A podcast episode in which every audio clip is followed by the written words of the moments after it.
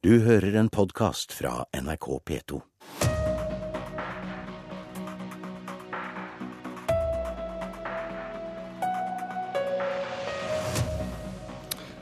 Er det egentlig spennende i Oslo? Miljøpartiet De Grønne har den verste miljøpolitikken, sa lederen i Oslo Høyre. Miljøpartiet stemmer nesten aldri sammen med Høyre i bystyret. Skal vi tro på at de nå skal forhandle om makt? På ordentlig? Og alle regjeringspartiene går tilbake. De mister makt i flere store byer. Men det kan høres ut som de mener de kun har et kommunikasjonsproblem. Apropos kommunikasjonsutfordring, du skal snart få høre Rasmus Hansson forsøke å overbevise oss om at han ikke er norsk politikks melon. Grønn utenpå, rød inni. Velkommen til Politisk valgkvarter. Men jeg begynner med hun som sitter med makta i Oslo. Kristin Vinje, nestleder i Oslo Høyre. Har Høyre i Oslo mest til felles med Arbeiderpartiet eller med Miljøpartiet De Grønne?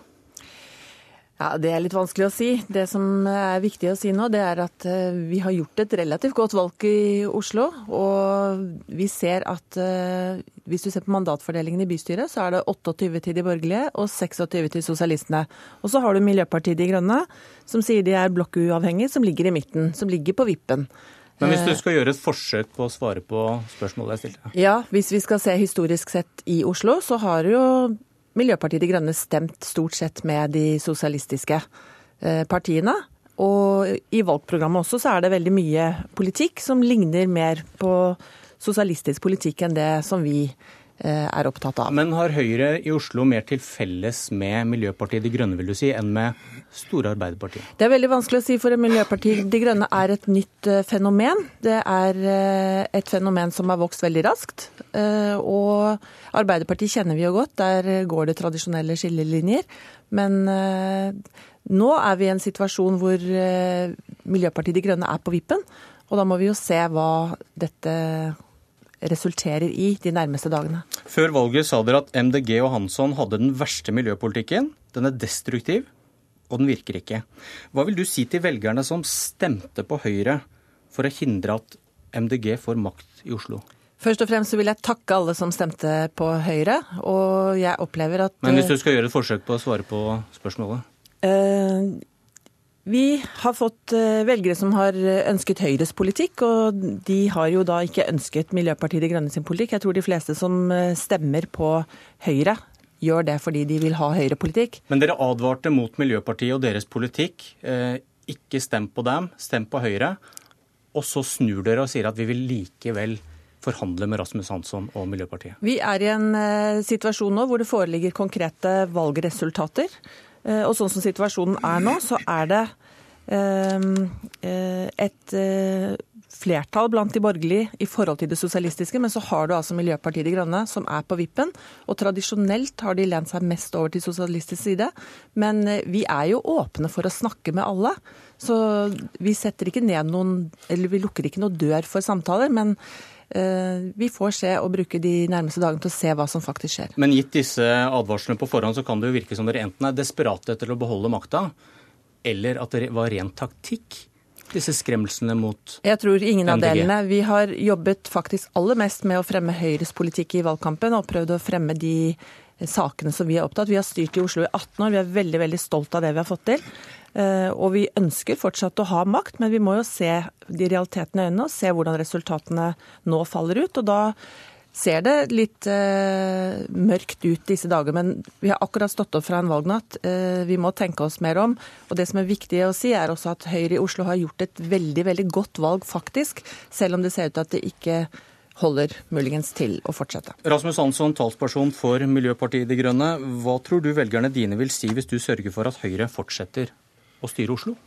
I så fall vil det bety at vi har fått til en veldig god miljøpakke som ivaretar veldig mye av det vi har gått til valg på med Høyre. Og da skal vi sørge for at den er god nok til at velgerne våre vil like det. Og da kan de godta Høyres politikk på skole, på skatt og eldreomsorg? Vi får se hva slags pakke vi får. Nå skal vi begynne å få snakke sammen, og så skal vi forhandle. Eh, og så skal jeg være veldig eh, varsom med å forskuttere hvordan de forhandlingene kommer til å pågå. Det er det dessuten Oslo-laget vårt som skal drive, og ikke jeg. Er E18-utbygging en nøkkel her? Det kunne virke litt sånn i natt. Uh, nei, det er ikke noen nøkkel, men uh, det er jo den saken som har vært uh, mest fremme i media. Og den er et veldig godt eksempel på et kursskifte. Vi vil ikke ha en utbygging av veier inn til Oslo som øker antallet biler inn til Oslo. Eh, og der eh, lener vi oss jo på det klimaforliket som Høyre og Arbeiderpartiet selv har lagd, men som de tydeligvis trenger hjelp av oss til å gjennomføre. Eh, og E18 er et eksempel på at vi må ha en annen og mye mer framtidsrettet transportpolitikk i Oslo, som legger vekt på kollektiv, gange og sykkel, i samsvar med det alle vet at denne byen øh, vil. Sånn at for oss så blir E18 viktig som en del av en stor og god transportløsning som skaper et godt, øh, godt bymiljø. Og jeg tror at både Høyre og Arbeiderpartiet kanskje til og med vil synes det er øh, hyggelig eller en lettelse å få hjelp til å komme ut av eh, det dumme prosjektet som eh, en kapasitetsøkende E18 er. Om det. Eh, gode, men ubekreftede rykter forteller nå på morgenkvisten at Arbeiderpartiet har ikke lyst til å gi dere ordføreren. De ryktene har ikke jeg hørt, og jeg har ikke tenkt å høre noe særlig på dem heller. Men, men hva hvis hun ved siden av deg kan signalisere at de kan være villige til å legge det i potten for å få beholde makta? En pott er en ting man eh, holder på med ganske lenge uh, før resultatet kommer. Uh, og i den potten ligger definitivt ordfører fra vår side, fordi vi har gått til valg på at Shoib Sultan er vår ordførerkandidat. Og er da er han selvfølgelig det, Men er det ikke viktig, inntil vi eventuelt bestemmer oss for at vi trekker den. Men kan, er det ikke viktigere for dere å få gjennomslag i en viktig miljøsak enn å få ordførerposten? Jeg kan uten ikke dare bekrefte at politikk kommer til å være viktigst for oss, men vi har gått til valg også på at Shoaib Sultan er vår ordførerkandidat. og Han vil være en strålende ordfører for hele Oslo. Han vil bli den mest representative ordføreren Oslo noensinne, Oslos befolkning noensinne har hatt. Så det er klart at han er en del av vår forhandlingspakke. Og så er det heller ikke noe som helst tvil om at totalt sett så blir politikken viktigst. Hvis, eh, hvis det stemmer da at Arbeiderpartiet ikke vil gi Sultan ordførervervet, der har du en åpning, Vinja. Ja, altså vi er, eh, vi er, interessert i å styre byen videre, selvfølgelig. Det er det vi gikk til valg på. men ikke vi, for enhver pris, kanskje? Nei, det er det aldri. Men eh, vi er åpne, og vi har god tradisjon for å samarbeide med flere partier. Og da må man gi og ta. Så det, det er ikke noen kompromisser å hente her hos meg i dag, for det er altfor tidlig å si noe som helst. Men, eh, men vi skal forhandle, vi må se hvordan situasjonen går. Men det er, det er eh, ikke noe som er et kompromiss fra Høyre, det er helt sikkert. Uh, Nei, det er ikke noe som er endelig. altså ja, Vi setter ikke ned foten for noe som helst på dette tidspunktet. Hva skjer nå da, rent praktisk i Oslo for å finne ut av dette her? Nå må, må, egentlig MDG bestemme seg hva de vil. Som sagt så har eh, de borgerlige partiene som nå sitter i, og styrer byen, de har 28 mandater i bystyret. Det er mer enn de sosialistiske har. Og så har vi Miljøpartiet De Grønne, som sier de er blokkuavhengige. Så det blir egentlig mest av alt opp til dem. Men det handler selvfølgelig også om hvordan eh, de to største partiene, det er da Arbeiderpartiet og Høyre, som er faktisk nesten prikk like, Eh, tar imot eh, en nykommer i Oslo-politikken.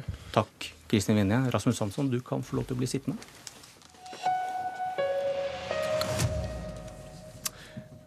Vi får nye gjester inn i studio. Velkommen først til Hadia Tajik, nestleder i Arbeiderpartiet.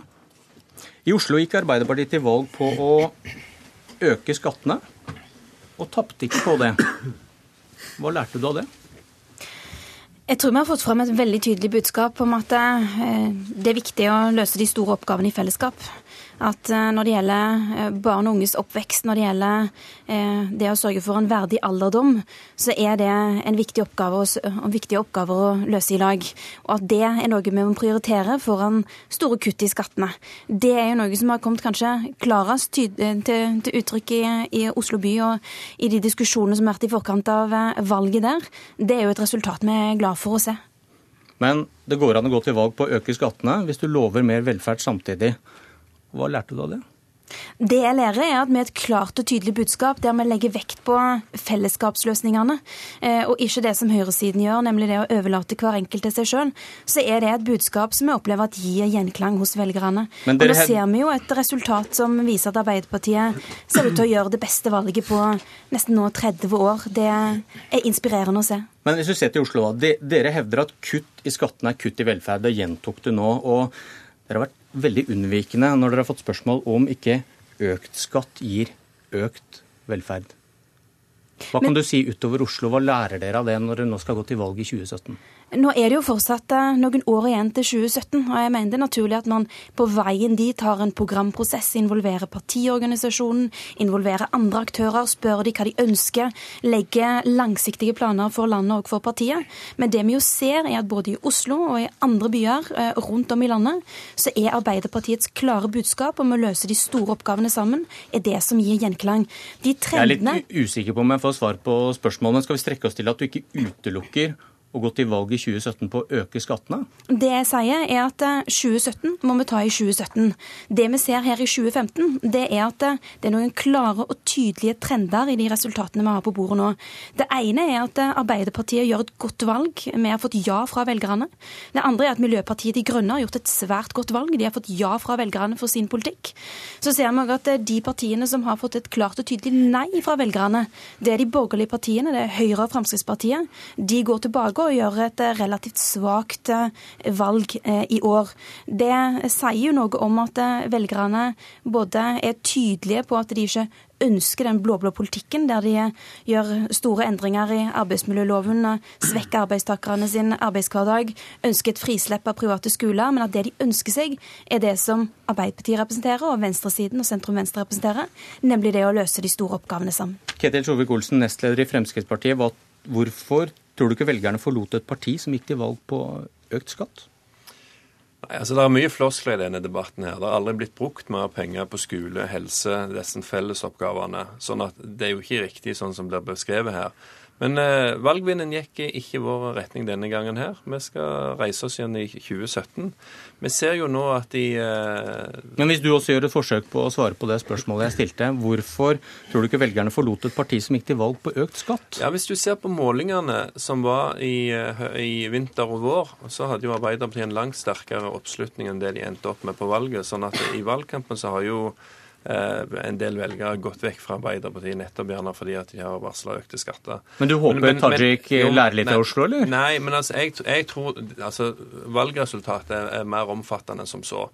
Eh, det vi ser, er at de partiene som styrer landet, har gått tilbake. Noen litt, noen litt mer. Det handler jo generelt, og det, det, er jo det samme du så i 2013. Da sa velgerne nei takk til den, til den rød-grønne regjeringen. Det handler om at når du sitter og styrer, så får du som regel kjeft for alt som ikke fungerer godt, og så tror folk at eh, gresset er grønnere på den andre sida. Det tror jeg egentlig er litt det som, eh, som skjedde nå. Frp under 10% Høyre klart tilbake. Og så hører jeg dere snakke om dette at det dreier seg om et kommunikasjonsproblem. Du sa det i går, Erna Solberg gjentok det. Eh, dere har ikke fått fram hvor mye dere får til. Ja, jeg... dette, er, dette, er, den forklaringen vi alltid får fra partier som går tilbake. Det er et kommunikasjonsproblem. Ja, Vi har ikke bare sagt kommunikasjonsproblem. Jeg bare sier valgvinnen. Stemningen der ute var sånn at eh, nå var det andre som vant fram. Jeg har vært med i Fremskrittspartiet nå i eh, godt over 20 år. Jeg har vært med på en fantastisk opptur. Nå bytter det litt imot, men vi skal komme sterkere tilbake. Når vi reiser rundt nå, så ser vi altså at i denne valgkampen så har vi møtt veldig mye god, positiv stemning. Eh, stemningen har vært mye bedre nå enn den var for ett år siden, fordi at folk begynner å se resultatene av det vi holder på med. Dermed så vil vi ikke i 2017 kunne gå fram og si at en bruker de store pengene på, på feil ting. Folk vil se at helsesektoren blir forbedra, at det er bedre eldreomsorgstjenester. En får sving på samferdselssektoren etter mange år med forfall. Det er litt for tidlig åpenbart at folk ser omfanget av, av resultat, men jeg stoler på at når folk ser hva som skjer, så vil de òg stemme deretter. Jan Tore Sanner, nestleder i Høyre. Er det et syn på velgerne som litt tungnemme, når man eh, tyr til at de har bare ikke forstått hvor god politikken vår er? Nei, på ingen måte. Jeg vil først benytte anledningen til å gratulere både Miljøpartiet De Grønne og Arbeiderpartiet med, med gode valg. Og kondolere Ketil Solvik-Olsen? Jeg velger å gratulere Arbeiderpartiet og Miljøpartiet De Grønne. Det har, en, det har vært en lang og spennende lokalvalgkamp. Eh, som har dreid seg om alt fra sykkelveier og barnehaver og skole til arbeidsledighet og syriaflyktninger. Så det har, vært en, har vært en spennende valgkamp, og det har vært store lokale forskjeller. og Det er jo det som er eh, det gode i lokalvalgkampen, at det er lokale kandidater og lokale saker. Og Derfor så ser vi også et stort eh, spenn. Høyre har gått tilbake, og vi har gått tilbake i en del av de byene vi har styrt lenge. Samtidig så er dette det nest beste valget vi har gjort på 25 år. Så historisk sett så er det et godt høyrevalg, men vi eh, gjorde det klart dårligere enn det vi gjorde i 2011. Men jeg så på resultatene nå før jeg gikk inn, når 99,8 eh, var talt opp. Og det var fire partier som gikk tilbake ved dette valget. Alle andre gikk fram. Og de fire partiene, det er de fire borgerlige som samarbeider. Hva tenker du om det? At vi har en jobb å gjøre. Vi har en jobb å gjøre. Men hva er forklaringen? Nei, dette er, dette er, et lokalvalg, eh, og det ser vi også på resultatene. At det er store lokale forskjeller. I Oslo så er Høyre og Arbeiderpartiet jevnstore. Så har vi gått klart tilbake i Bergen og, og Tromsø. Eh, og vi har vunnet eh, mange viktige byer og, og, og, kommuner. Det som er viktig for de borgerlige partiene nå, det er jo at vi ser fremover mot 2017. Vi har startet mange store, viktige reformer. Norge står overfor en omstilling omstilling, vi skal skape nye jobber. Eh, så vi er opptatt nå av å, se fremover og vinne valget i 2017. Jeg mener det er viktig at eh, de borgerlige partiene får mer enn en fireårsperiode, slik at vi får gjennomføre mange av de store, viktige reformene. Det har vært mye snakk om disse store byene, utstillingsvinduene. Men så leste jeg i Dagens Næringsliv var vel i går at du mente at dette var litt overdrevet? Betydningen av byene for et stortingsvalg? Ja, det, det, er riktig. Eh, det å vinne byene er først og fremst viktig for, eh, for, byens innbyggere. Når vi har slåss for å beholde Oslo, Bergen, Tromsø, Stavanger, Kristiansand, så er jo det fordi at vi er opptatt av å gjennomføre mest mulig høyrepolitikk. Eh, men hvis vi ser på de tidligere valgene, så vant Arbeiderpartiet stortingsvalget i 2005 og 2009, mens Høyre styrte både Bergen og, og Oslo. Slik at det er ikke noe sammenheng i at vinner du Oslo og Bergen, så vinner du stortingsvalget. Eh, nå har vi tapt Bergen, men vi skal vinne valget i 2017. Tajik. Jeg er enig med Jan Tore Sanner i at eh, når eh, det er viktig å vinne disse byene, Bergen, Oslo, Trondheim, Tromsø, Bodø, så handler det om innbyggerne i de byene. Dette er byer som er i stor vekst. Det er viktig for oss at alle innbyggerne får ta del i den veksten. og Da mener vi at det, det skjer best hvis det er Arbeiderpartiet som styrer, og den sosialdemokratiske politikken som ligger til grunn. Samtidig så er det jo klart at det å vinne fram på denne måten, det å se de trendene som landstallene viser, nemlig at Arbeiderpartiet går så tydelig fram, mens Høyre og Fremskrittspartiet har en tydelig tilbakegang, det er en tendens som eh, kanskje òg gir et pekepinn for hva som er bildet for de neste to årene. Rasmus Hansson, fremdeles talsperson for De grønne. Eh, vi er akkurat der vi skal være, sa du i går, fordi dere har gjort noen urolige. Kanskje de tre til høyre for deg? Først og fremst er vi der vi skal være fordi vi har etablert Miljøpartiet De Grønne som et uh, parti uh, over hele landet, og både i uh, byene og på landsbygda. Og vi har fått et veldig kraftig svar fra velgerne på at den politikken, den offensive, ambisiøse miljøpolitikken vi fører, er noe som mange vil ha. Og så eh, ønsker jo selvfølgelig ethvert parti å få maksimalt ut av de stemmene vi får. Og det får man jo når man havner på vippen og kan eh, forhandle direkte med større grupper enn eh, seg selv. Og den, den makta har vi siktet oss inn mot. Og når vi får den, så skal vi bruke den med stort ansvar, men også på en tøff måte. Solvik-Olsen, hvis vi får en Oslo-situasjon i 2017 med Rasmus Hansson på vippen, hva skjer da? Du, Den uh, situasjonen tar jeg når den kommer. Jeg, eh, konstaterer, jeg, konstaterer, at vi ikke gjorde et så godt valg som ønska. Vi skal gjøre en jobb, men vi ser samtidig at i en del kommuner så har vi faktisk gått fram. Mange av de kommunene der vi styrer, så gjør vi veldig gode valg. Eh, og Det tyder jo på at vi må se hva det vi har gjort riktig der, som gjør at velgerne fortsatt eh, flokker til Fremskrittspartiet der, mens de gjerne har eh, gått fra oss i de plassene vi har sittet i opposisjon. Og Sanner, så må jeg spørre deg til slutt her. I bare én av de 14 kommunene som hadde folkeavstemning om kommunesammenslåing i går, sa folket ja. Ja, Hvis du ser på de, de, avstemningene, så dreide flere av dem seg om, om, retningsvalget. Der hvor du hadde reelle avstemninger, det var Gran og Lunder. Der ble det nei. Eh, I Rissa og Leksvik så var det et klart ja-flertall i Rissa, og i Leksvik så var det på stemmen 50-50. Så der blir det jo spennende å se eh, hvilke konklusjoner velger, eh, politikerne trekker.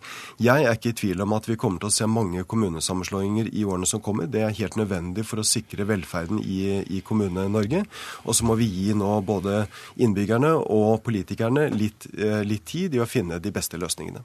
Politisk valgkvarter er ubønnhørlig slutt. Takk for at dere kom, Rasmus Hansson, Hadia Tajik, Jan Tore Sanner og Ketil Solvik-Olsen. Jeg heter Bjørn Myklebust. Du har hørt en podkast fra NRK P2.